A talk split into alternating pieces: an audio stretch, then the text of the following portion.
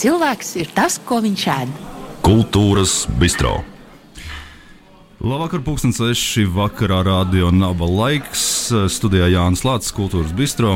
Uh, šodien uh, ir ļoti, ļoti daudz tēmas mums ir sakrājušās. Varbūt arī tas ir saistīts ar to, ka ir zinību diena, 1. septembris. No visas sirds apsveicu, apsveicu tātad mūsu skolēnus, skolēnus un, un studentiņus, kuriem sākās jauns cēliens uh, zinību apgūšanas jomā. Par savu viesņu nākamo pusstundu sarunai es, esmu aicinājis savu kolēģi, kultūras žurnālistu un producentu Evu Johansonu Evu Labdien! Labdien, Jāni! Prieks būt pie tevis un pamieloties kultūras bistro. jā, nu, lai garšo, jā. Um, 1. septembris tev varbūt ir kādas asociācijas ar 1. septembri. Kamēr Jā. mēs sākam mūsu bagāto tēmu klāstu, tieši tā.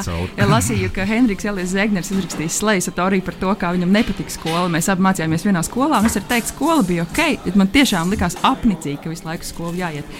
Savukārt eh, pagājušo nedēļu es eh, Siguldā vadīju konferenci, kur man uzaicināja profesora Baiva Martinsona un ir uzsākts milzīgs pilotprojekts eh, Siguldas novadā par to, kā veicināt garīgo labklājību skolās. Un man lika šī konference aizdomāties par to, un arī novēlējums man šodien tieši visiem visiem būs tieši par to, ka um, ir ļoti svarīgi kopt ne tikai bērnu, bet arī skolotāju un arī vecāku garīgo labklājību, um, audzējot sevi. Un es, novēlu, es domāju, būs izaicinošs mācību gads. Šis ir īpašs mācību gada sākums, jo kopš marta nav, nav bijusi skola, visi ir ārkārtīgi priecīgi.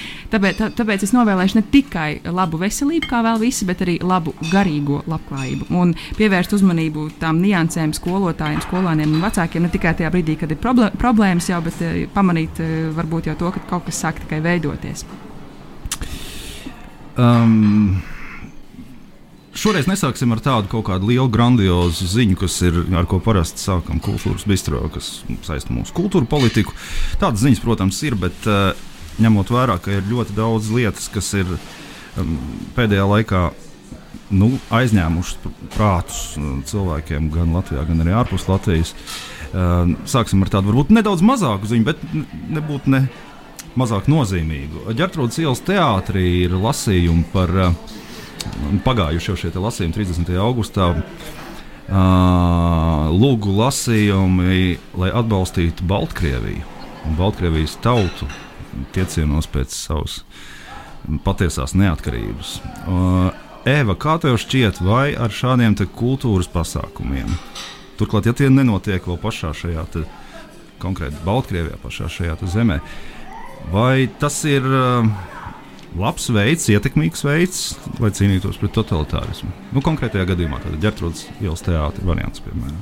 Jā, ļoti labs jautājums. Tas, ko darīja Gertrūdas ielas teātris, viņi tikai veidoja tos lasījumus, bet arī skaidroja un aicināja ziedot. Un es domāju, ka tie ziedojumi ir ļoti konkrēts veids, kā var palīdzēt. Es arī pati izpētīju Facebook, kur var un kā ziedot Baltkrievijas atbalstam, jo, protams, tās informācijas ir daudz.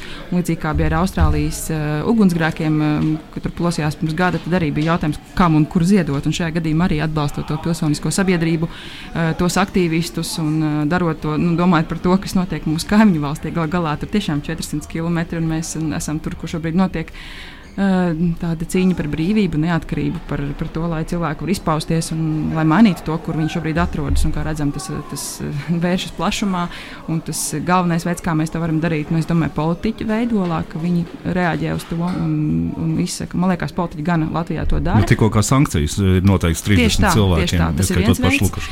Bet otrs man šķiet arī, um, es vienmēr arī, es atradu tās grupas, kur var ietegot Facebookā un citu vietu un likt fotografijas no Latvijas, no Rīgas, kad notika šie gājieni, jo tas man liekas, viņiem arī palīdz un iedvesmo, ja viņi tiek pie interneta.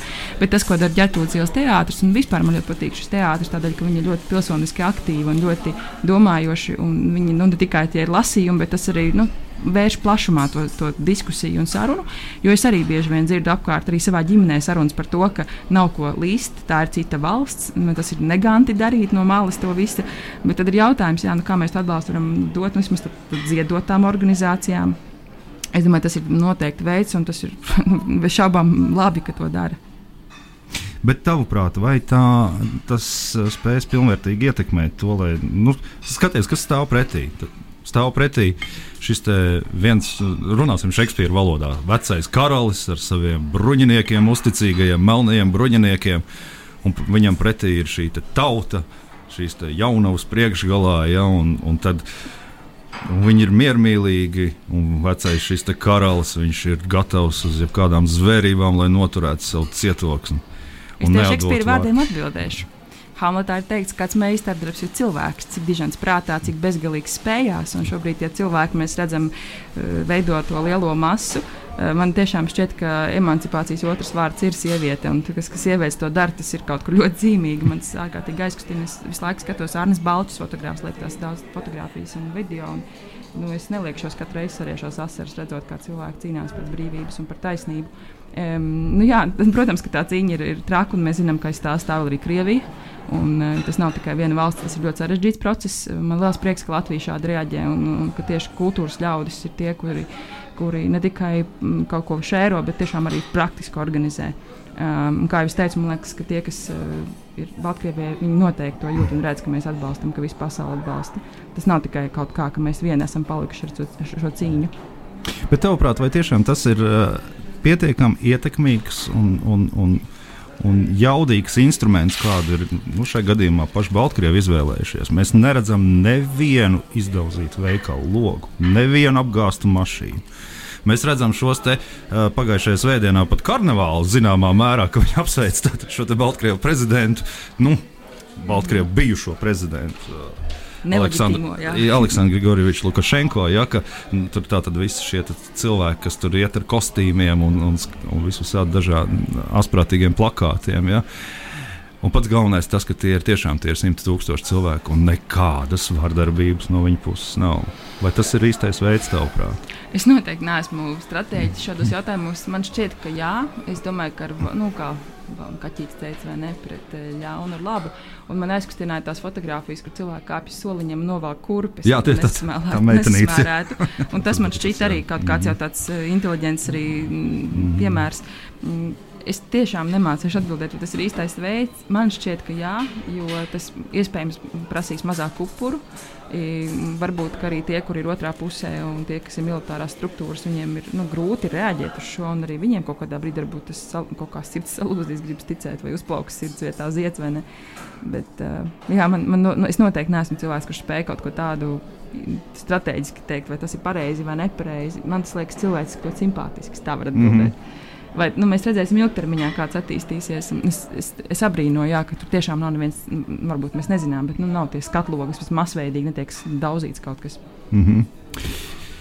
Kā nu, jā, tev šķiet, Jāni? Ja tu man to jautājumu tā uzdevi, vai tev ir atbildi šo jautājumu? Nē, nu man šķiet arī būtiski, ir, nu, ka, zināmā mērā, ka arī simboliski, ka viens no šiem te, tātad, nu, nosacītajiem līderiem, kas ir šobrīd, lai gan tādi izteikti līderi nav šeit Baltkrievijas pretošanās kustībai. Viens no šiem līderiem ir Latuško, ir bijušais kultūras ministrs un, un teātra direktors, kur izmeta no darba ārā, un viņam sekoja līdzi arī lielākā daļa teātra darbinieku. Ja. Uh, Uh, un, un zināmā mērā, jā, tā maigā vara varbūt arī sev pierādījis. Jā. Varbūt tā izdomā, kreativitāte. Kreativitāte, jā, nu jautājums ir tiešām jau, kā, kā tu minēji šeit, vai ne par to, kas aiz tā visa stāv, un ja aiz tā visa stāv citi draudīgi spēki, kas ir, uh, uz ko acīm redzot, vecajam karalim vien nākas šobrīd balstīties, tad tur viss kas var būt. Bet mēs par kultūru, mēs par kultūru, par citu protestu akciju gribam ar tevi aprunāties, te mūsu pašu vietējo, ne tik apjomīgi, protams, ja, bet uh, es zinu, ka tu seko līdzi diezgan cieši tam, kas notiek tātad uh, ar šo Marsa parku Rīgā. Ehm, dažos vārdos eh, izstāst to situāciju, kādā šobrīd tas atrodas. Jo cik man ir tā informācija, vienā brīdī bija tā, kā tas viss apstājies, tā kā noklists, tā kā aizmirsts jau pat. Tur tā kā to drošības dienesta ēku gribēja būvēt, gribēja, ka tauta aizmirst, un tagad pēkšņi atkal viss notiek, un mēs redzam, ka ir protestētāji pie šīs sēdes un, un, neļauj, un, un, un, un koku cirtēji ir iekšā teritorijā. Jā, nu tur jau vairs neko tur ir nocirsts. Man eh, šķiet jāatcaucās uz Mārtiņa Čibildi, tā bija viņa pēdējā cīņa, pirms viņš aizgāja mūžībā. Varbūt tāpēc es arī tik personīgi to uztveru, jo viņa dēls pabeidza šo raidījumu, kurā viņš mm, ticēja. Viņš arī tajā, es vēlreiz epizodi noskatījos šorīt, kur viņš izteica to vēlmi vai ticību brīnumam, ka tomēr tas nav skvērs, tas ir parks Tur ir daudz simtgadīgu koku, 80 kopskaitā liepas, uh, ozoli. Un, uh, tas nav, ka Rīgā mums ir ļoti daudz koku un ļoti daudz zaļo, it īpaši tajā vietā, kur tas atrodas brīvības ielas daudziem krustojumiem. Tā uzmanība bija pievērsta ļoti liela bez šaubām, jo tur ir gan teiks aktīvi iedzīvotāji, gan daudz uzņēmumu. Tur atrodas ļoti daudz IT uzņēmumu, kuri šajā putekļainajos, netīrajos, piesārņotajos krustojumos to redzēja kā iespēju parkam, kur var būt bērnu laukums, kur var būt petankas laukums, kur var būt restorāns un vēl kaut kas cits.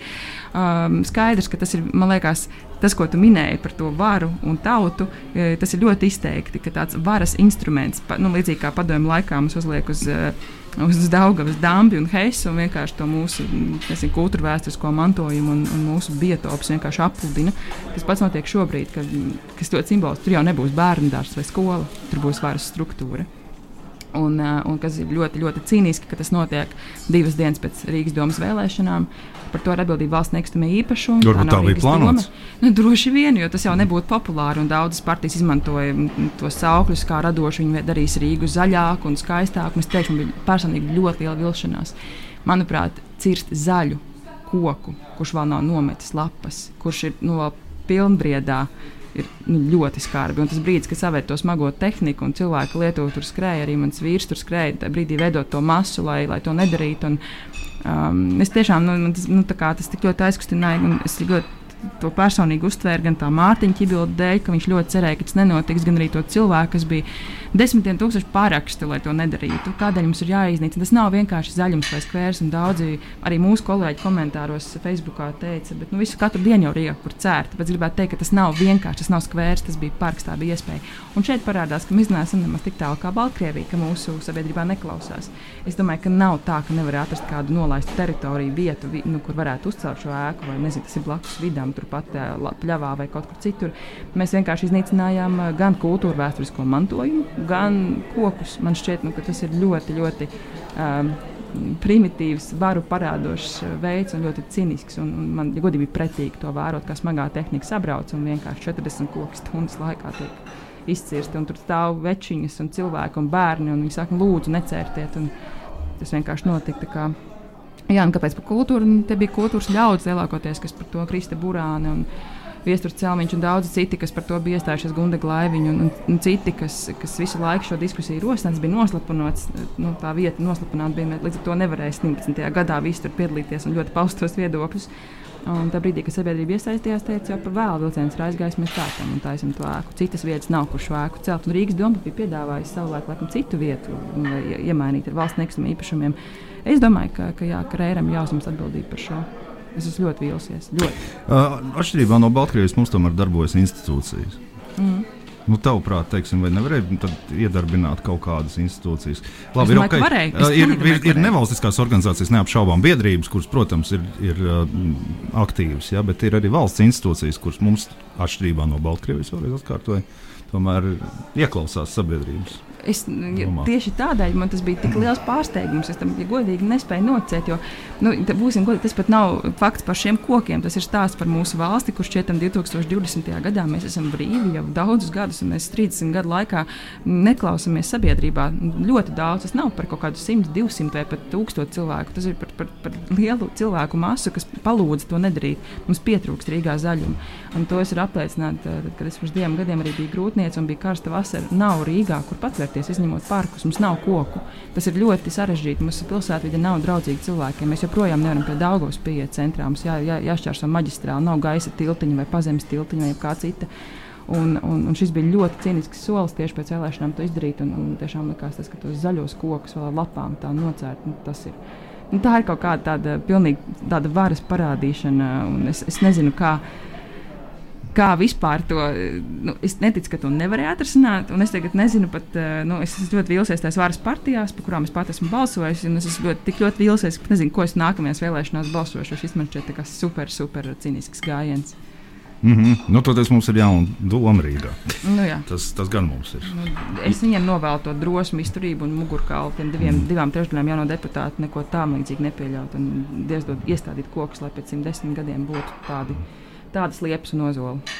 Bet tavuprāt, tomēr, kam ir cik uh, jaudīgam ir jābūt šim spiedienam, vai varbūt kaut kādiem līderiem ir jābūt šajā konkrētajā nosacītā lielajā vai mazāk Uh, mazāk lielajā grupā, kas iebilst pret šo ieceru, kaut ko būvēt, kaut ko zāģēt. Varbūt ir jābūt kaut kādam lobbyam, cilvēkiem, kuriem spēj uzrunāt īstos uh, ietekmīgos, kas var kaut kā mainīt šo būtību. Jā, bet varbūt šajā gadījumā vienkārši trūka tādu, un kultūras cilvēki ir varbūt pārāk vienkārši. Nu, mel, jā, melnbalti. Jā, viņas varbūt nesadzirdēt. Un nedzirdēt, jā. jā, un kaut kādu pamatojumu. Man šķiet, ka šoreiz arī, kad, man liekas, ka tika visi instrumenti izmantot. Un, un, un man liekas, ļoti daudz strādā strādā ar to arī Lorita Thompsona un daudzi citi. Cilvēki, kuriem ir ļoti asins prāts un, un izteikts intelekts un zināšanas. Un, un, un es neticu, ka nav lobēts, bet arī, ja nebūtu lobbyis, man šķiet, neieklausīties tik lielā cilvēku skaitā, lūgumā, un arī teikas iedzīvotāji.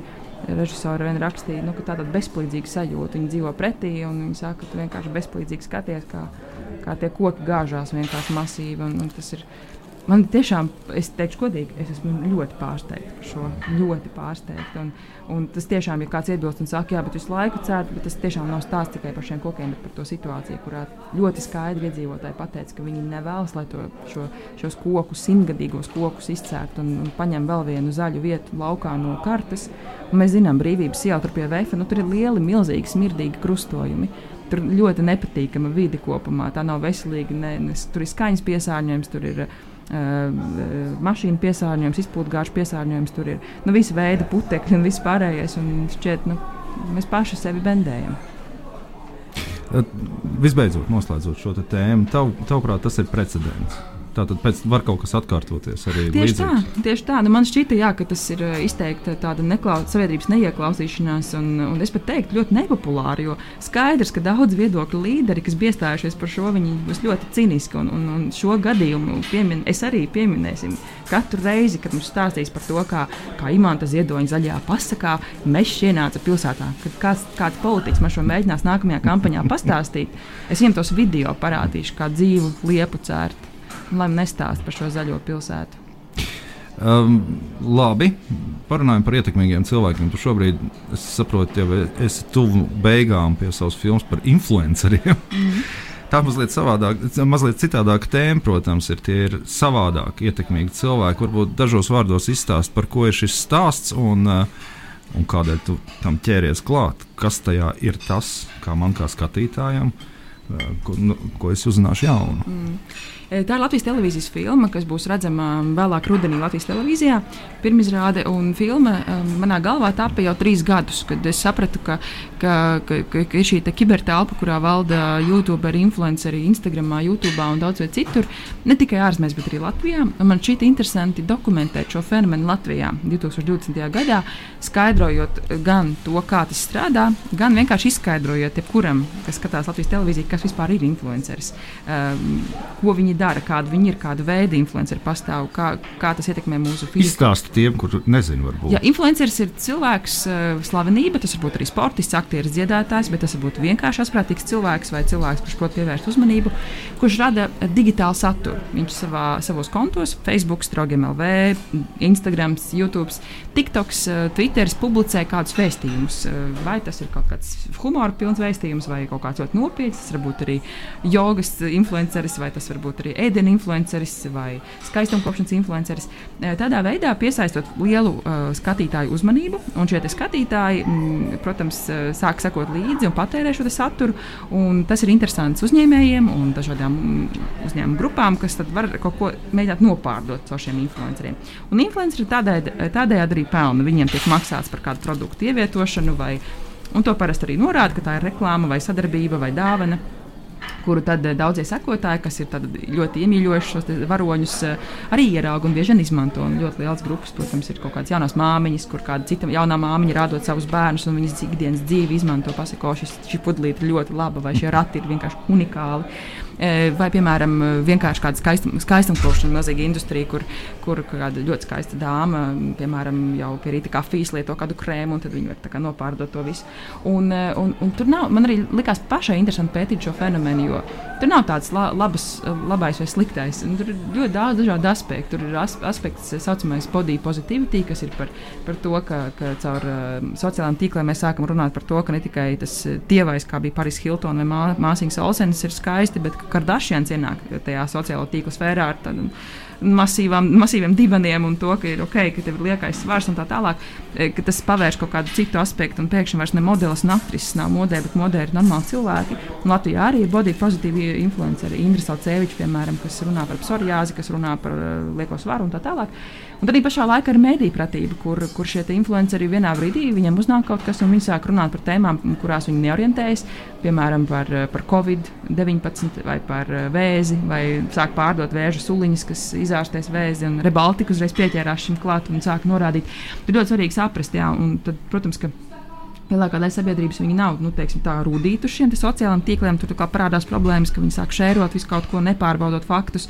Un šī filma arī nu, ir arī par šo. Tā ir diezgan izglītojoša, un tur ir daudzi eksperti, kas runā par to, ka, ko, kā Latvijā sācies internets, kā mēs sākām lietot, pirmie chatrūmi, pirmie datori lielie, uh, kā mums, uh, mēs esam top valsts, kurā ir viens no ātrākajiem internetiem pasaulē, optiskais tīkls, top 10 vismaz. Un, uh, mums ir ļoti daudz iespēju augšuplādēt video, mums ir ļoti lēts internets. Līdz ar to gandrīz visi lieto internetu mūsdienās ir kādā sociālā tīklā, mm, neatkarīgi no vecuma. Un tas ir interesanti, jo tu vēro, kā tās grupas veidojas ka tur ir kaut kādi pulciņi, līdzīgi kā mums ir interešu pulciņi, kur ir keramika, kas ir interesanti, kur ir kaut kādi sporta interesanti, ēdienu interesanti. Tas pats notiek internetā. Un tad šajos pulciņos ienāk iekšā tādi nu, pārdevēji, kas mēģina kaut ko nopārdot. Un eh, mani divi galvenie varoņi ir Agnija Grigula un Rojas Rodžers. Ļoti interesanti. Es eh, domāju, man pašā ļoti daudz ir tādu atskārsmi par internetu, kā es lietoju, kas ir tie noteikumi, vai kas ir tā higiēna, kā es lietoju internetu, kas tas ir tas, ko es publicēju.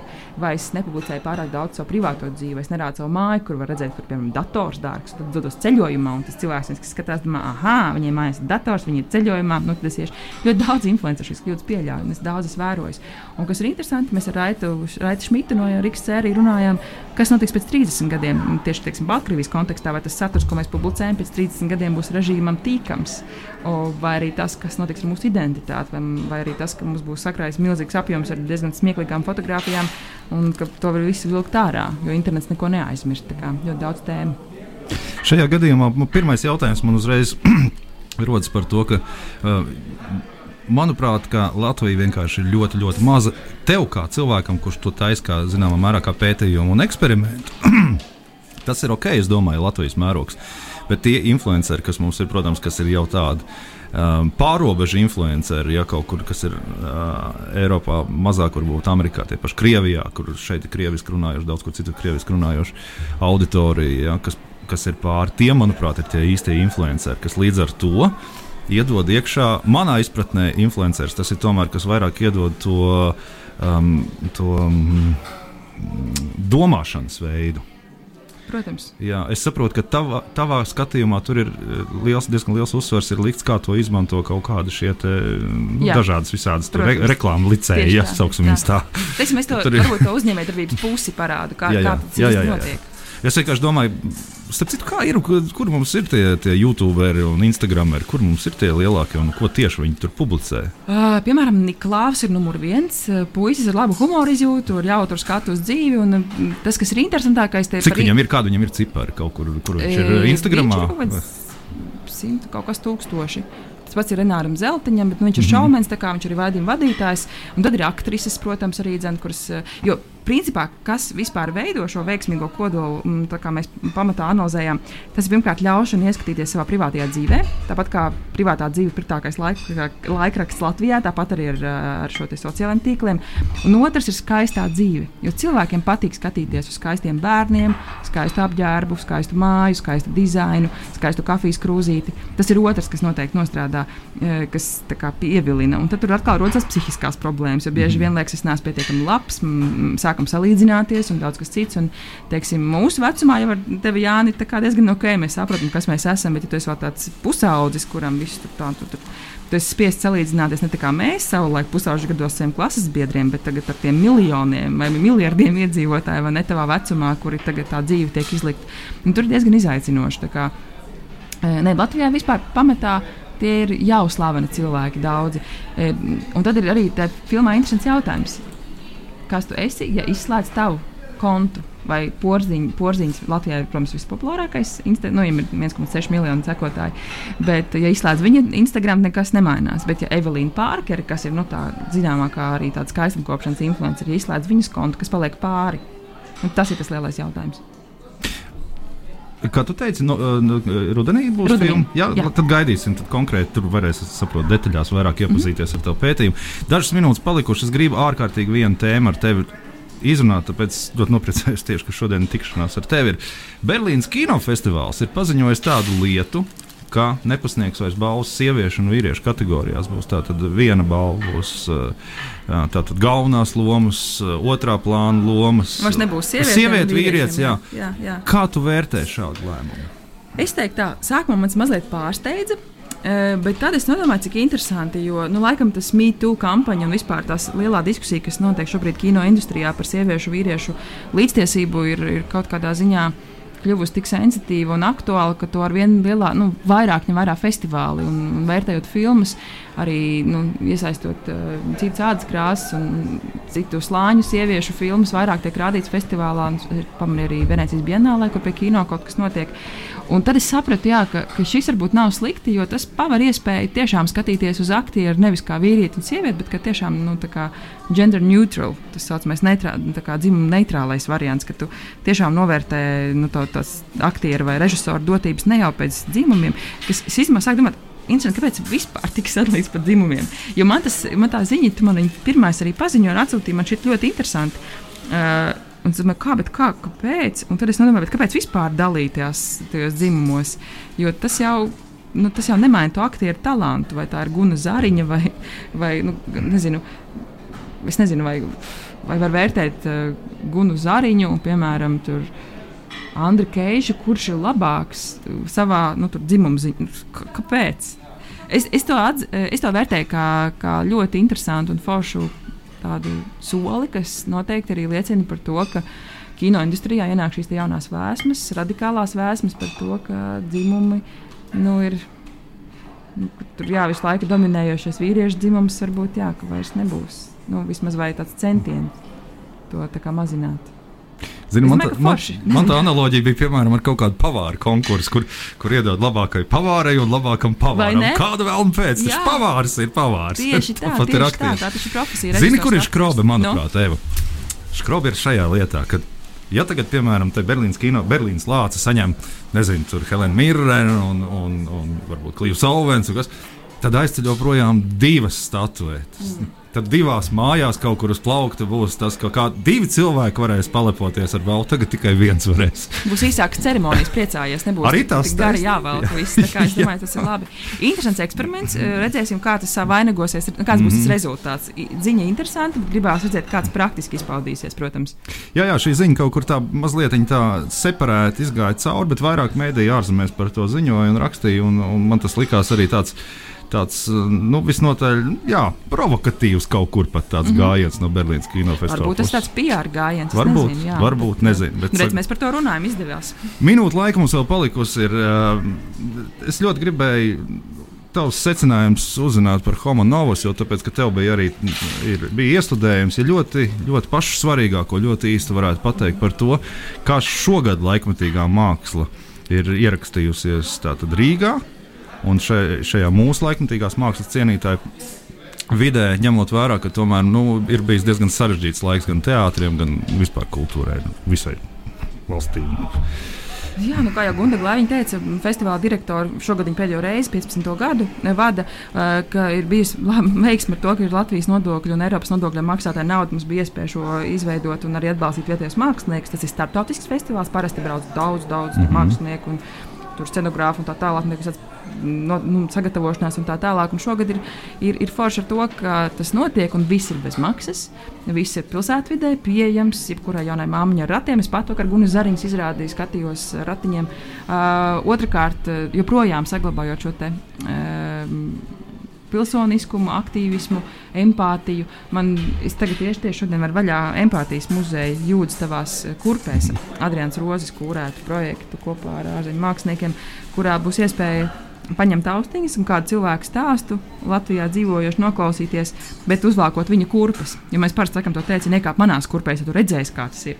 Un tad ir tāda praktiska iespēja to izdarīt, protams, dezinficējot visu. Man liekas, jā, ka šis festivāls varbūt arī īsumā rezumējot, ir ļaušana iekāpt otrā kurpēs un sajusties, kā ir.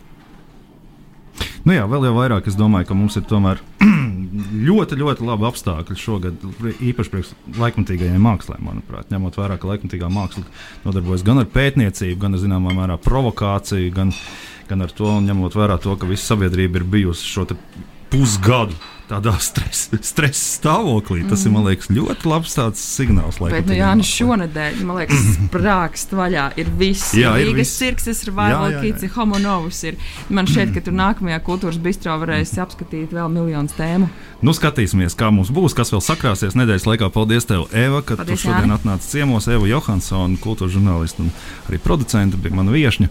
Paldies, ka klausījāties. Mans vārds ir Jānis Lācis, un kultūras bistropējums atgriezīsies nākamā nedēļa. Visu labu! Cilvēks ir tas, ko viņš ēd. Kultūras bistro.